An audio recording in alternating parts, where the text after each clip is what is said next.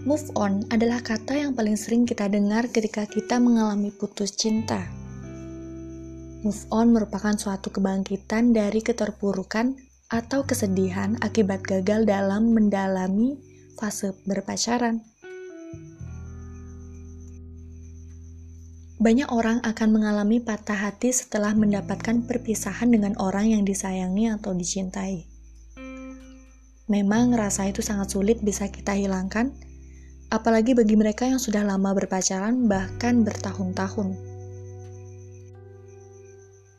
Perkara move on bukanlah hal yang mudah bisa dilakukan oleh semua orang. Move on memerlukan waktu hingga berbulan-bulan, bahkan bertahun lamanya tergantung kasus dari perpisahan suatu hubungan tersebut.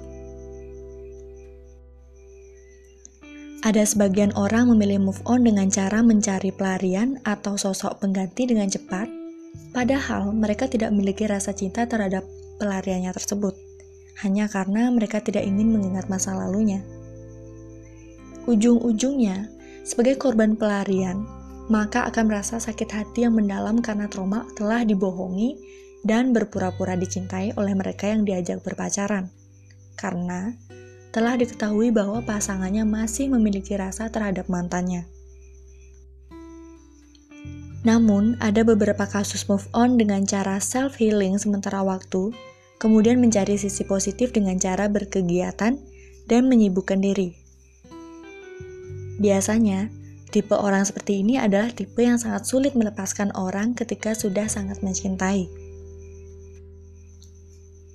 Move on bagi setiap orang memiliki cerita atau versi yang berbeda-beda.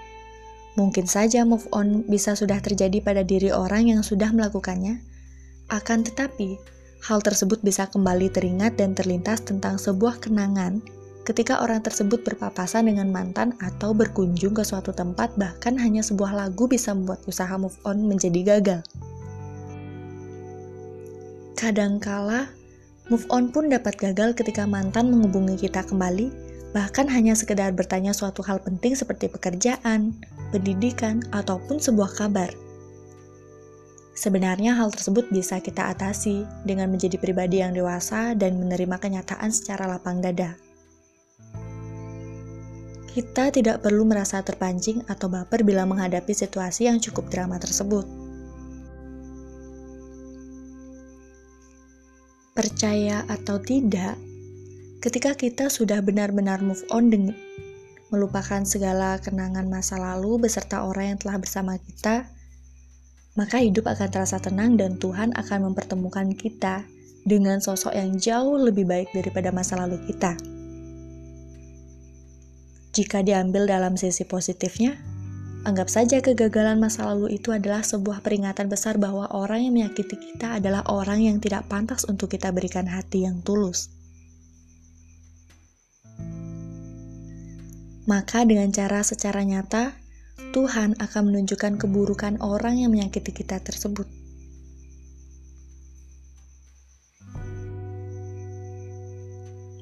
Percayalah bahwa move on itu tidak gampang.